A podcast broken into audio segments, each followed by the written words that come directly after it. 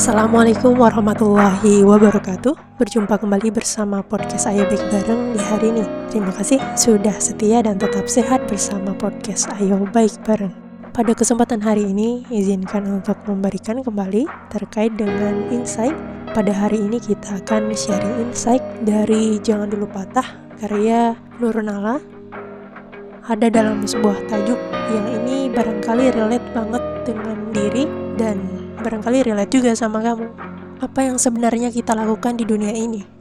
Kita membeli apa-apa yang sebenarnya tidak kita butuhkan, menonton apa-apa yang sebenarnya tak layak untuk disaksikan, mengatakan hal-hal yang sesungguhnya tak penting untuk diucapkan mendengarkan suara-suara yang tak ada manfaat di dalamnya, dan yang paling menyedihkan, menertawakan apa-apa yang sebenarnya tidak lucu. Padahal hidup kita singkat, sangat singkat. Waktu kita sedikit, sangat terbatas. Dunia membuat kita begitu sibuk, kadang sibuk bekerja, kadang sibuk bermalas-malasan. Ya, begitulah.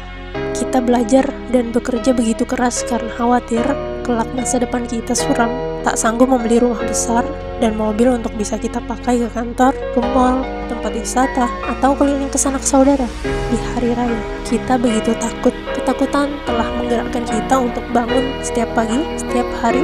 Ketakutan telah membuat kita membeli apa yang tak penting dibeli. Ketakutan telah membuat kita mencari hiburan-hiburan di pusat perbelanjaan dan televisi. Lebih dari itu, ketakutan telah membuat kita bertahan hidup jadi, mari kita akui saja bahwa Tuhan kita hari ini adalah ketakutan. Ia telah menjadi penggerak hidup kita. Dan mari akui pula bahwa ketakutan itu berakar dari kebergantungan kita pada isi dunia yang luar biasa menggoda. Barangkali kita perlu perlu merenungkan apa yang dipercaya oleh kaum sinis pengikut Socrates bahwa kebahagiaan tak terletak pada kelebihan lahiriah seperti harta, kekuasaan, dan sejenisnya, Kebahagiaan bagi mereka justru berada pada tidak tergantungan pada segala sesuatu yang mengambang berbagai hal yang tak kekal.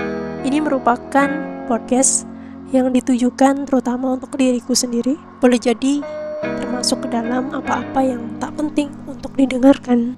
Namun inilah sebuah kenyataan tentang ketakutan. Bagaimana dengan teman-teman sekalian? Semoga kita senantiasa untuk terus meluruskan niat dan mengobarkan semangat agar kita tidak begitu takut dunia ini. Mari kita berharap bahwa apa-apa yang sudah kita lakukan dan kita perjuangkan paling tidak sebuah langkah untuk mencari keberkahan dan keriduannya, bukan?